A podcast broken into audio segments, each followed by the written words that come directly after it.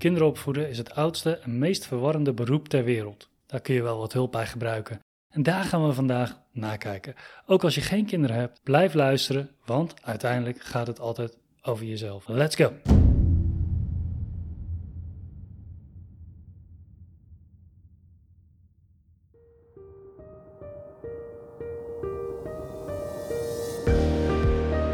Welkom in de podcast van de Stoïcijnse School. De plek waar we de filosofie van de Stoa toepassen op je werk, je onderneming, organisatie, studie, gezin, sport, maatschappelijke kwesties en spiritualiteit.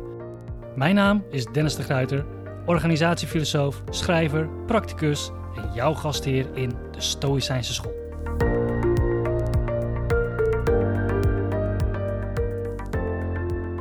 Als ouder of opvoeder voelt het alsof je het meest belangrijke ter wereld moet gaan vormen, moet gaan voorbereiden op wat er komen gaat met zeer beperkte middelen.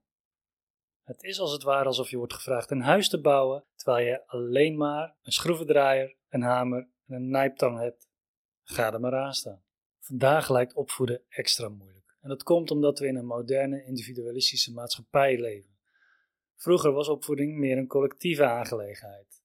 Zeker in het oude Rome en Griekenland was de vorming van jonge kinderen en jongvolwassenen een aandachtspunt en verantwoordelijkheid van de hele maatschappij. Dus heel veel volwassenen hadden ook een bepaalde gedeelde opvoedingstaak. Maar tegenwoordig is het anders.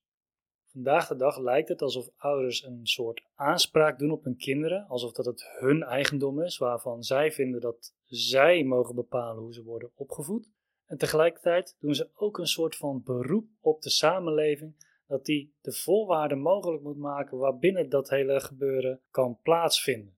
Ik weet niet of ik mezelf helemaal duidelijk uitdruk op die manier, maar misschien kun je er een voorstelling bij maken. Er zit een bepaalde paradox in.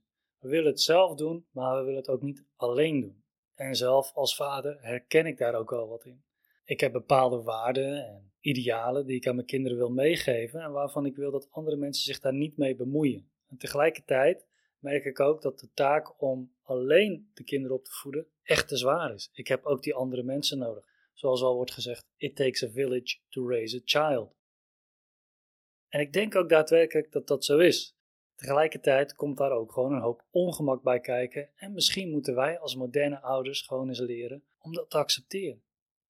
Nou, dat is eventjes voor de vuist weg uit mijn eigen ervaring gesproken. Maar laten we eens even dieper ingaan op de problematiek rondom opvoeden en hoe Seneca ons daarbij zou kunnen helpen. Om te beginnen moet ik denken aan een uitspraak van, ik geloof Aristoteles, die stelt dat de wortels van de opvoeding bitter zijn, maar de vruchten zijn zoet. En daarmee bedoelt hij ook, opvoeden zelf is een hele klus, zelfs 2300 jaar geleden al.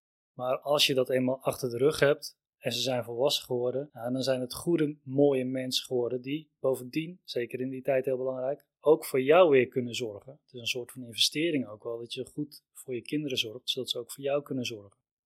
Die taak van kinderen om voor hun ouders te zorgen, die is natuurlijk ook in onze moderne maatschappij grotendeels naar de achtergrond geraakt. Er zit geen wederkerigheid meer in. Het zorgen voor ouderen wordt uitbesteed aan een bejaardenhuis of aan een zorggroep of een woongemeenschap enzovoort. Maar wat die uitspraak van Aristoteles dus wel laat zien, is dat iedereen opvoeden moeilijk vindt. Ongeacht de tijd waar je in zit, het is een behoorlijke beproeving.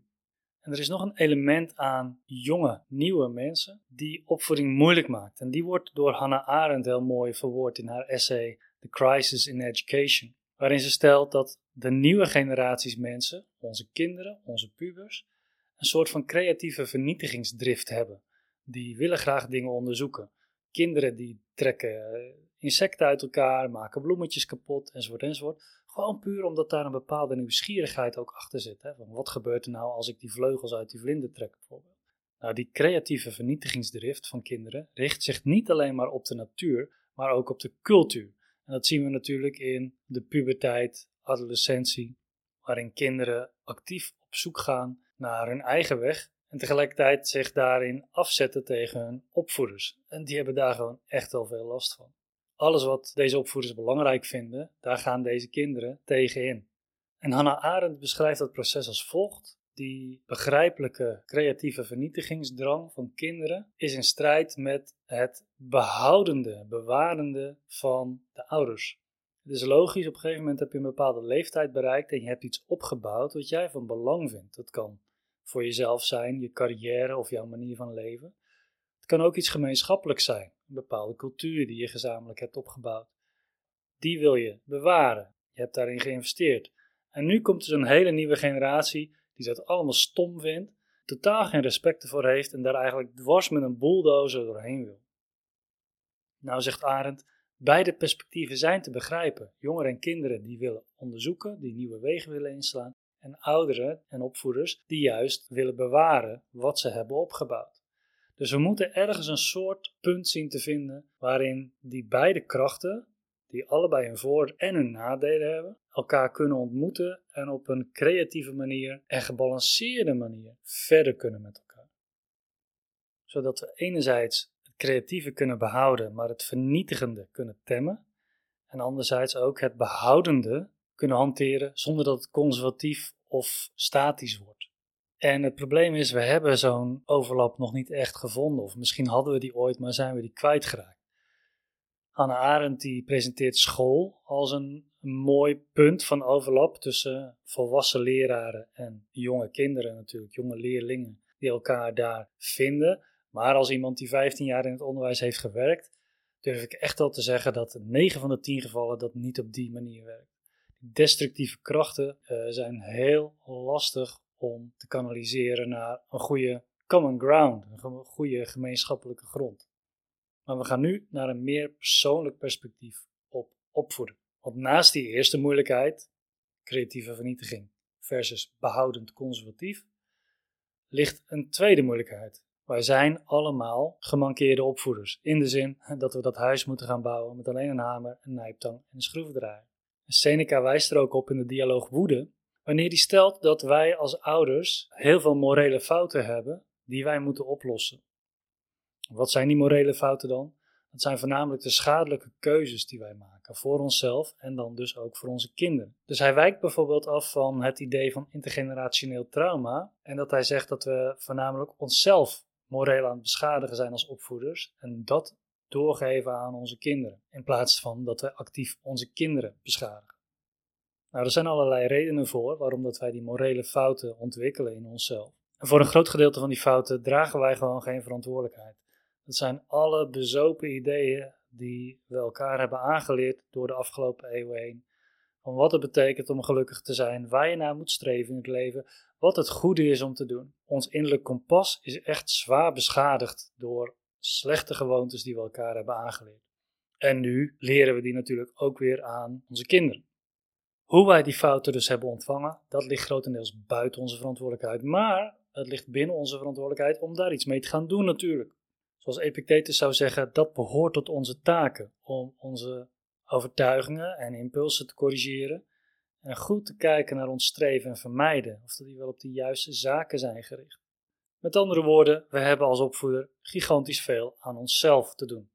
Tegelijkertijd is dat werk in uitvoering, want we moeten ook onze kinderen opvoeden. We werken dus op twee fronten en je moet oppassen dat je niet op allebei de fronten een nederlaag leidt. Vandaar dat het dus kan helpen als we een paar tips krijgen die ons kunnen oriënteren op een goede opvoeding voor onze kinderen. En die tips die komen uit Seneca, de tweede dialoog over woede. Voordat we naar die tips gaan, moeten we even helder krijgen, zegt Seneca, wat we nou precies proberen te bereiken. En hij heeft het hier voornamelijk over jongens, hè, want in Rome is het natuurlijk een mannencultuur. Maar als we de Stoïcijnse logica volgen, dan kunnen we zeggen dat deze oriëntatie net zo geldt voor meiden als voor jongens. Dus ook de tips die gaan volgen, die kunnen net zo goed toegepast worden op meiden als op jongens. Zolang we maar voor ogen hebben wat we nou precies willen bereiken.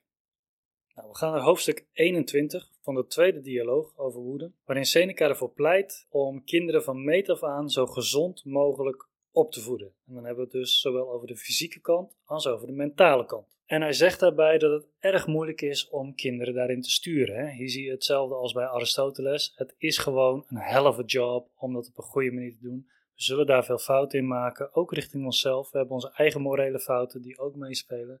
Maar desalniettemin, we moeten het gewoon gaan doen. We kunnen niet wachten tot over 100 jaar. Dit is de arena waarin we ons bevinden, waar nu een beroep op ons wordt gedaan. Dus wat is het doel van opvoeding? je kinderen oriënteren op de juiste manier. Je kunt het vergelijken met een kompas, dat moet je kalibreren, wil die goed werken.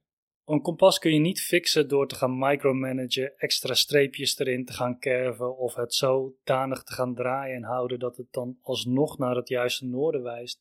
Het enige wat je kan en moet doen om problemen in de toekomst te vermijden is het kompas kalibreren, zodat hij goed werkt, zodat hij goed georiënteerd is. En als hij goed georiënteerd is, dan kun je hem in alle gevallen goed gebruiken. Hetzelfde geldt dus eigenlijk ook voor onze kinderen als we die opvoeden. We willen ze kalibreren. We willen ze de juiste richting opwijzen, zodat op het moment dat ze het huis verlaten, de juiste richting kiezen. Snappen wat er allemaal om hen heen gebeurt, welke invloeden er zijn en daarin een keuze maken. Zonder dat wij inhoudelijk voortdurend gaan voorschrijven wat ze moeten gaan doen en welke keuzes ze moeten maken. Die vruchten worden zoet op het moment dat ze hun eigen keuzes kunnen maken en op de juiste manier gekalibreerd zijn. Hoe kalibreer je kinderen dan, als je die vergelijking doortrekt met een kompas? Nou, zegt Seneca, net zoals de mens wordt voortgedreven door streven en vermijden, worden kinderen voortgedreven door, ik noem het maar, geestdrift en gehoorzaamheid. Die twee elementen zijn wij als ouders voortdurend aan het stimuleren. Geestdrift van een kind die kan tot uiting komen in daadkracht, in moed, in dingen waar je trots op kan zijn, maar kan zich ook verder gaan ontwikkelen tot baldadigheid, vernietigingsdrang. Dan ontwikkelt het zich op een schadelijke manier voor het kind zelf en voor de omgeving van het kind. Dus die geestdrift die moet ook op een bepaalde manier beteugeld worden. Maar ook niet te veel, want anders komen we in het andere gedeelte terecht waarvan hij zegt dat het een slaafse gehoorzaamheid is. Ze worden dan als het ware passief en ze komen alleen maar in beweging op het moment dat ze er iets voor krijgen of op het moment dat ze een compliment krijgen. Nou zegt Seneca, geen van deze extremen is natuurlijk goed. We moeten een balans zien te vinden tussen beide.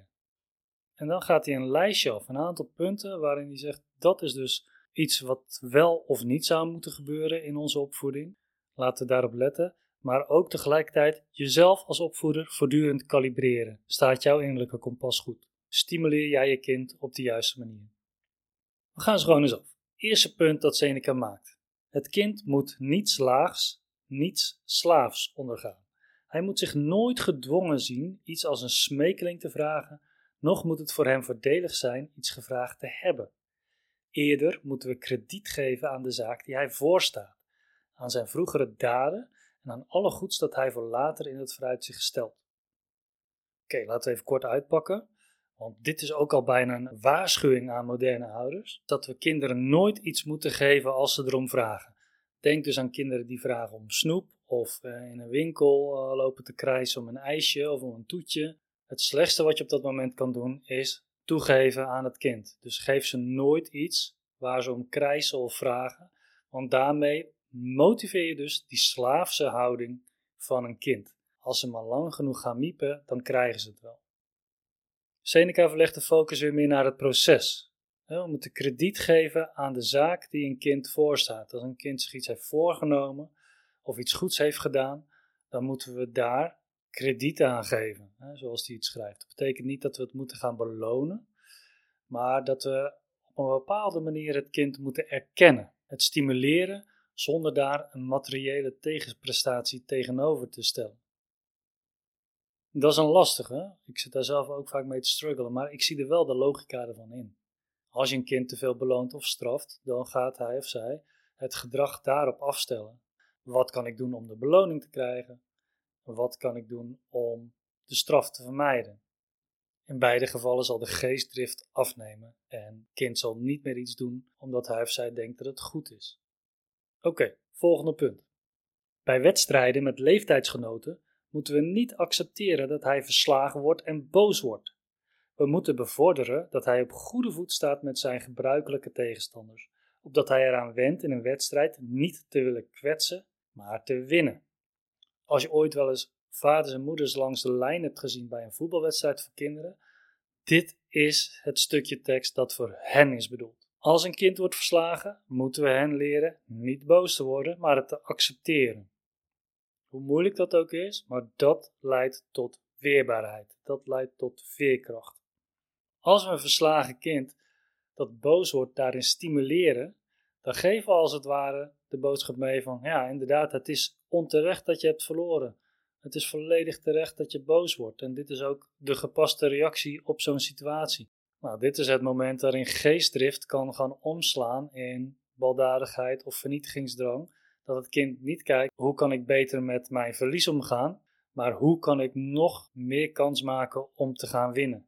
En dan gaat het niet meer om het spel, om de wedstrijd, maar gaat het alleen om het resultaat. En dat leidt altijd tot gedonder. En Seneca zegt het letterlijk, hè, op goede voet staan met je gebruikelijke tegenstanders. Want in een wedstrijd gaat het erom dat je de wedstrijd goed speelt. Je wilt winnen, maar zonder te kwetsen.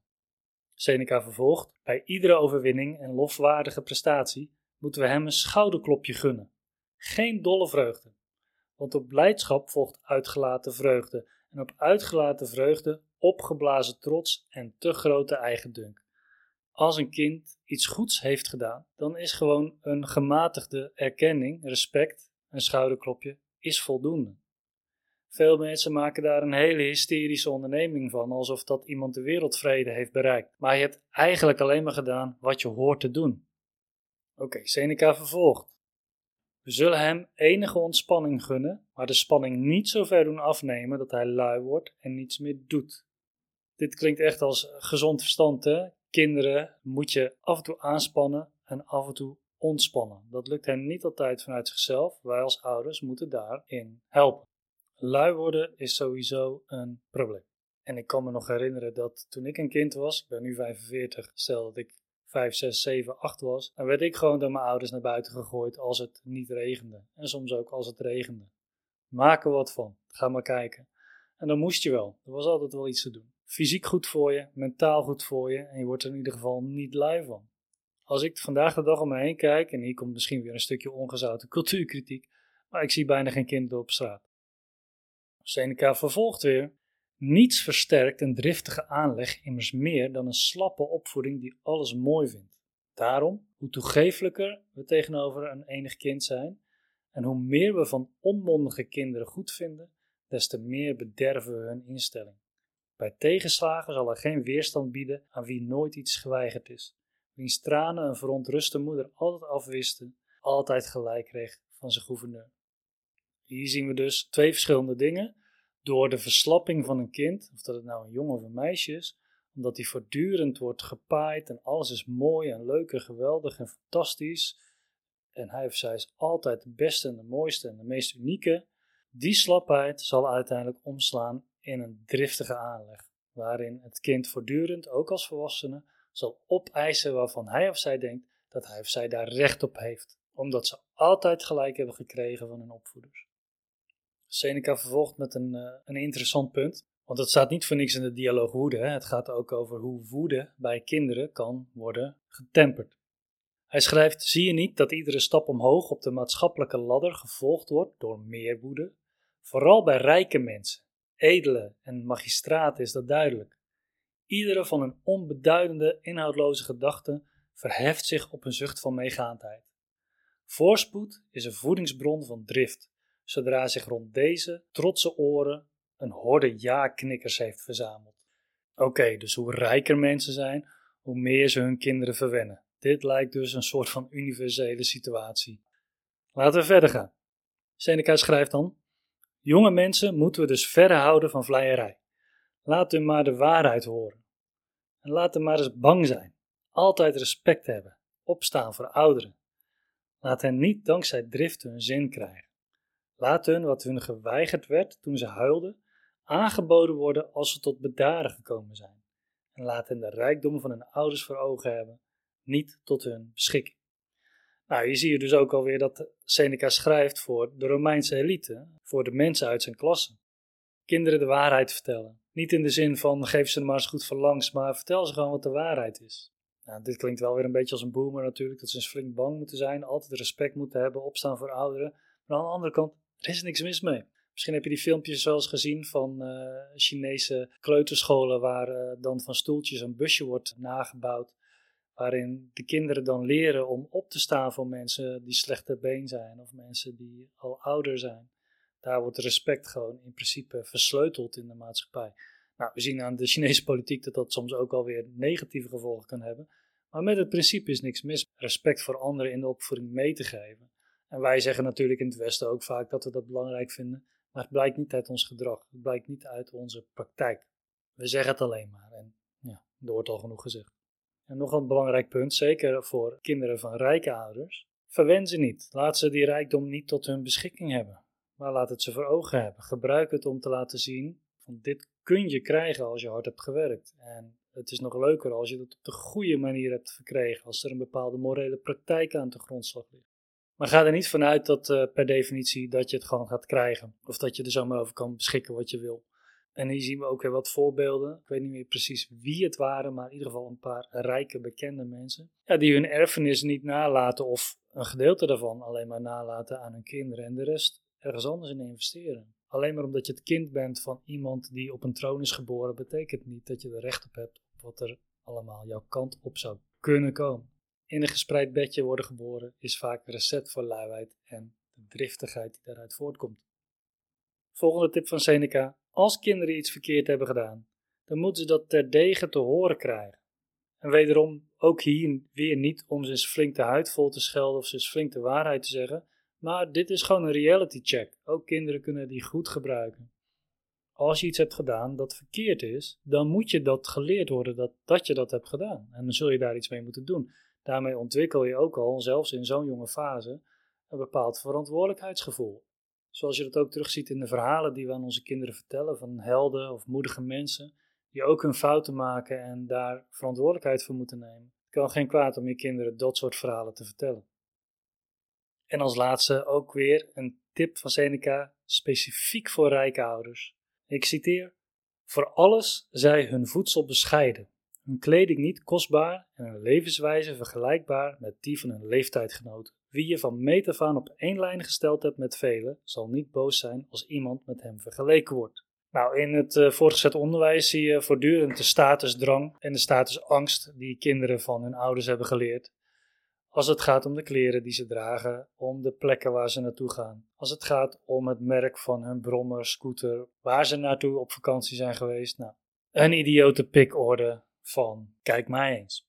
En hier is het dus ook goed om in overweging te nemen. Stimuleer ik die geestdrift van mijn kind zodanig dat zo verwend wordt, onhebbelijk, onverdraaglijk voor anderen?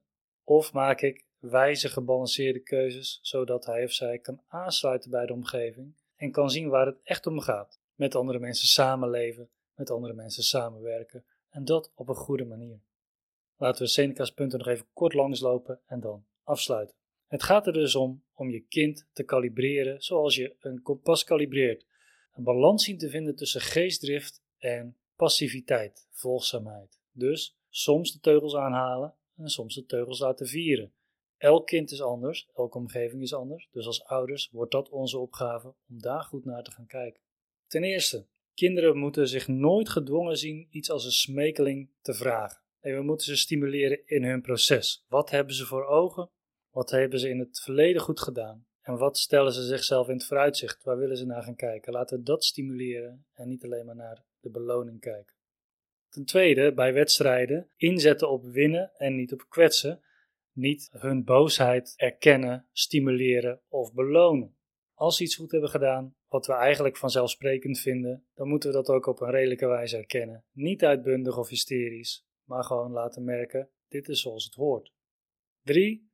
Goede afwisseling van spanning en ontspanning. Af en toe je kind gewoon naar buiten gooien of ze in een uitdagende situatie brengen, zodat er een beetje spanning in komt, dan worden ze in ieder geval niet lui van. Als je dat niet doet, als je hun luiheid stimuleert, dan zal die driftige aanleg dus alleen maar steeds meer gaan ontwikkelen. Tot je een volwassene hebt die gewoon voortdurend claims doet op wat hij of zij vindt, waar ze recht op heeft en wat anderen aan hem of haar moeten geven. Ten vierde, en de komende tips, die zijn dus voornamelijk voor mensen die vanuit een bepaalde elite of een rijke klasse komen. Ga niet voortdurend mee in de wensen en de verlangens van je kinderen. Daarmee ontwikkel je trotse kinderen die voortdurend driftig zullen zijn en op elke kleine belediging of tegenslag driftig zullen reageren alsof er iets verschrikkelijks is gebeurd. Vijfde, vertel kinderen de waarheid. Geef je niet over aan allerlei vleierij. Leer ze op een praktische manier respect te hebben voor anderen En dat ze geen beloning krijgen op het moment dat ze driftig zijn. Zeker niet als het over het geld van hun ouders gaat. Zesde, als ze iets verkeerd hebben gedaan, dan moeten ze dat gewoon te horen krijgen. Dat is ook een stukje erkenning en respect naar je kind toe. Waarom zou je eigen kinderen bewust verkeerde gewoontes aanleren of verkeerde ideeën aanleren? Omdat je het moeilijk vindt om ze te corrigeren. Daar zit ook weer zo'n morele fout van ons als opvoeders dat we bang zijn om onze kinderen sturing te geven. En als laatste zevende, ook al ben je heel erg rijk en heb je je kinderen heel veel te bieden en vind je misschien dat je ze dat ook allemaal moet bieden, voed ze toch bescheiden op, zodat ze zich niet te veel onderscheiden van hun leeftijdsgenoten en daardoor niet een bepaalde arrogantie of status aanmeten. Je doel is samenleven en samenwerken met andere mensen en luxe staat daar vaak eerder bij in de weg dan dat het helpt. Deze zeven punten die worden natuurlijk wederom gecomplimenteerd door de aandacht voor onszelf als opvoeders en ouders. Wij hebben ook onze morele fouten. En wij, in de woorden van Seneca, moeten orde scheppen in de gevolgen van onze geboorte en opvoeding. Alleen dat rustig aandoen in een retraite is een luxe die we ons niet kunnen veroorloven. We hebben onze eigen kinderen en kinderen van andere mensen om ons heen. En terwijl we aan onze eigen morele fouten helpen, moeten wij ervoor zorgen dat zij zo min mogelijk morele fouten ontwikkelen. Dat was hem voor deze keer. Als je zelf kinderen hebt, ben ik benieuwd wat je vond van deze tips. Ben je iets van waarde tegengekomen in deze podcast? Word dan lid van de Patreon van de Stoïcijnse School. Word een van onze patrons en help mee met het verspreiden van deze stem binnen de Stoïcijnse dialoog vandaag de dag.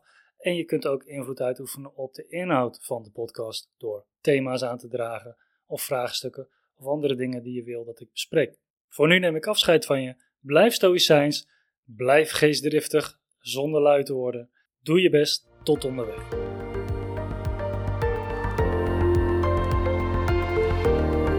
Dankjewel voor het luisteren naar de podcast.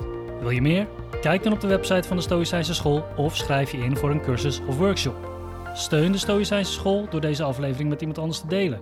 Informeer naar de klassiek Stoïcijnse mindset training of word lid van de Patreon-pagina. Je vindt alle informatie in de beschrijving van deze aflevering. Voor nu wens ik je veel vooruitgang en tot de volgende sessie.